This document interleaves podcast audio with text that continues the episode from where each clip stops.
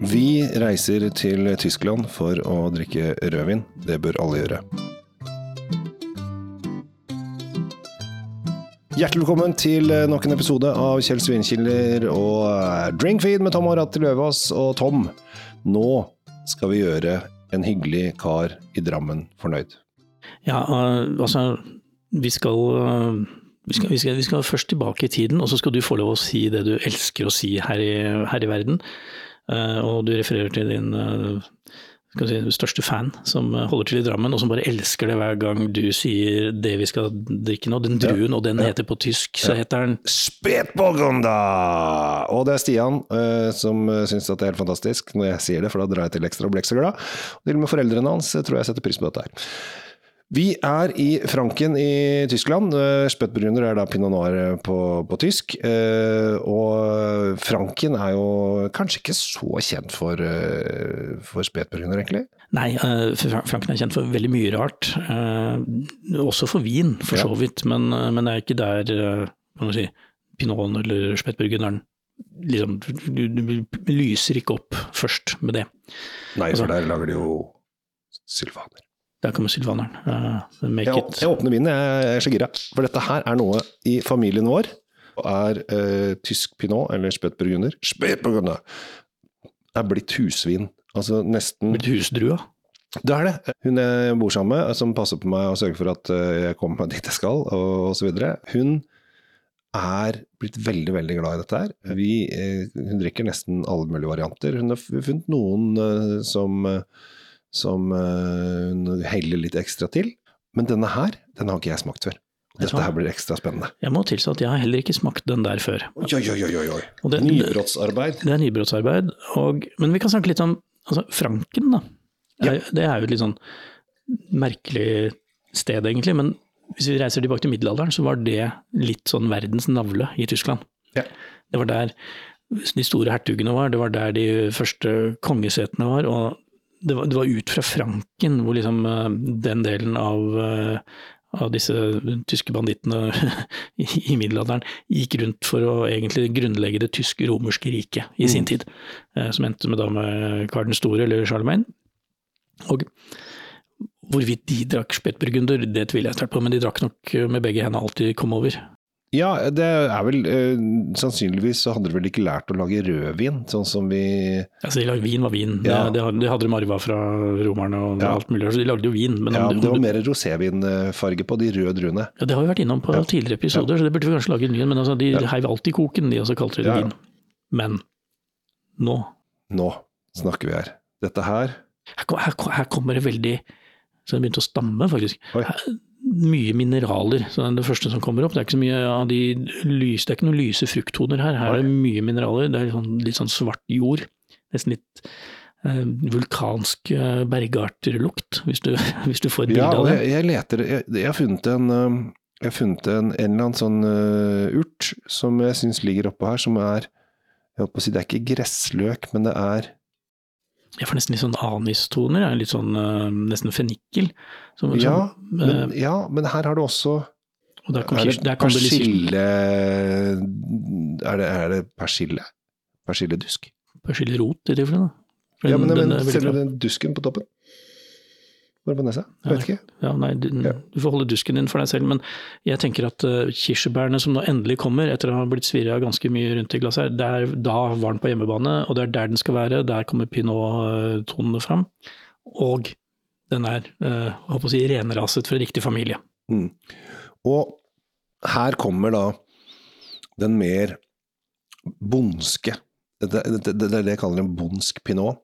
Den har en, har en del av disse jøs-tone både i smak og frukt. Hvis du smaker på den nå, Tom, så kjenner du at du har Du, du føler at du er eh, godt ute på, på, landet. Det er litt sånn, eh, litt sånn lett sånn fjøstoner. Og så har du kirsebæren.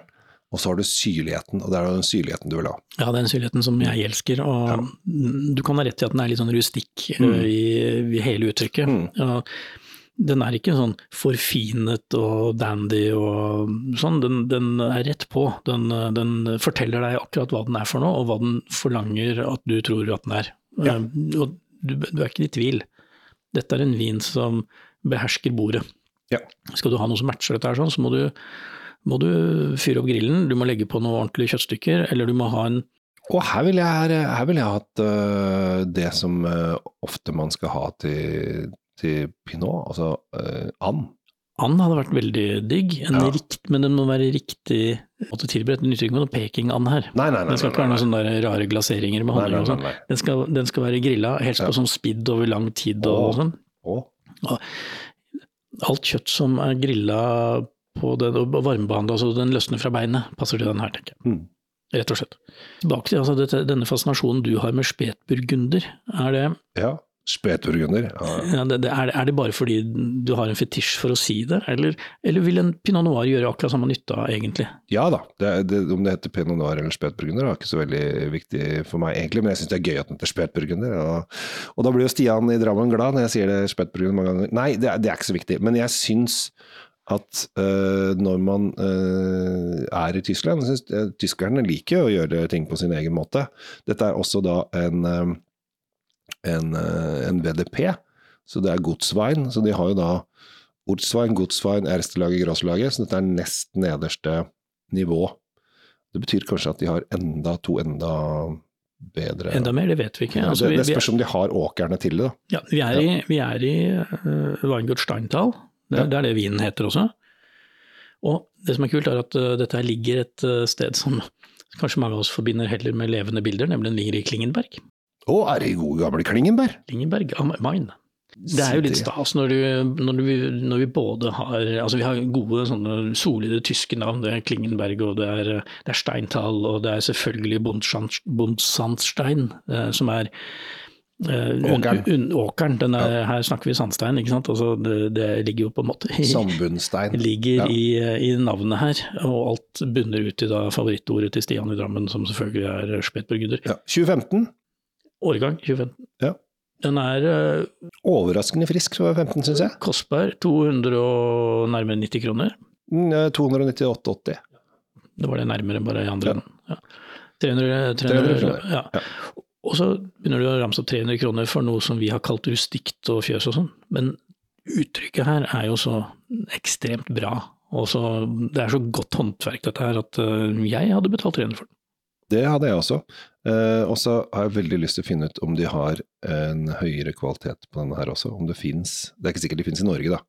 Men om man har ertslag eller gråslag i Vinmark, for det hadde vært eh, Har du dataene foran deg nå? Er den, er den, på, den er på bestilling, regner jeg med? Ja ja, den, den er ikke inne på noe pol.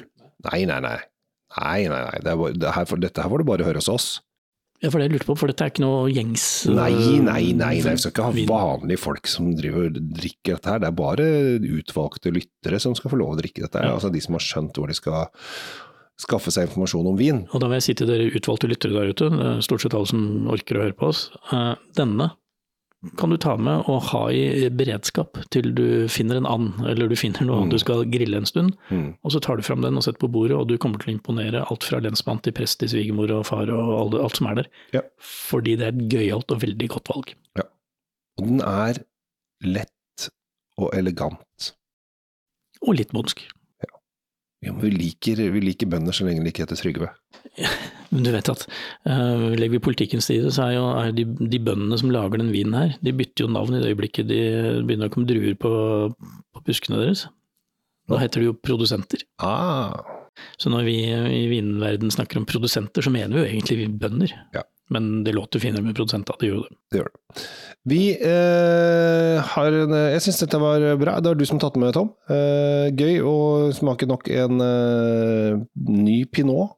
Eh, det er 202 produsenter inne i dette VDP-systemet, så det er ikke mange. Men eh, ser du en flaske på polet med bilde av en svart øl med seks prikker på, så er det som regel et veldig godt produkt. Det blir sjelden feil, det, det, er, det er helt riktig. Ja. Vi runder av fra Steintal eh, Klingenberg am Main og sier at eh, ja, prøv den, da. Og fortsett å høre på Drinkvid for all del, og Kjells vinkjeller. Ja. Det må dere gjøre. Dere har masse dere skal gjøre, men det greier dere. Vi stoler på deg.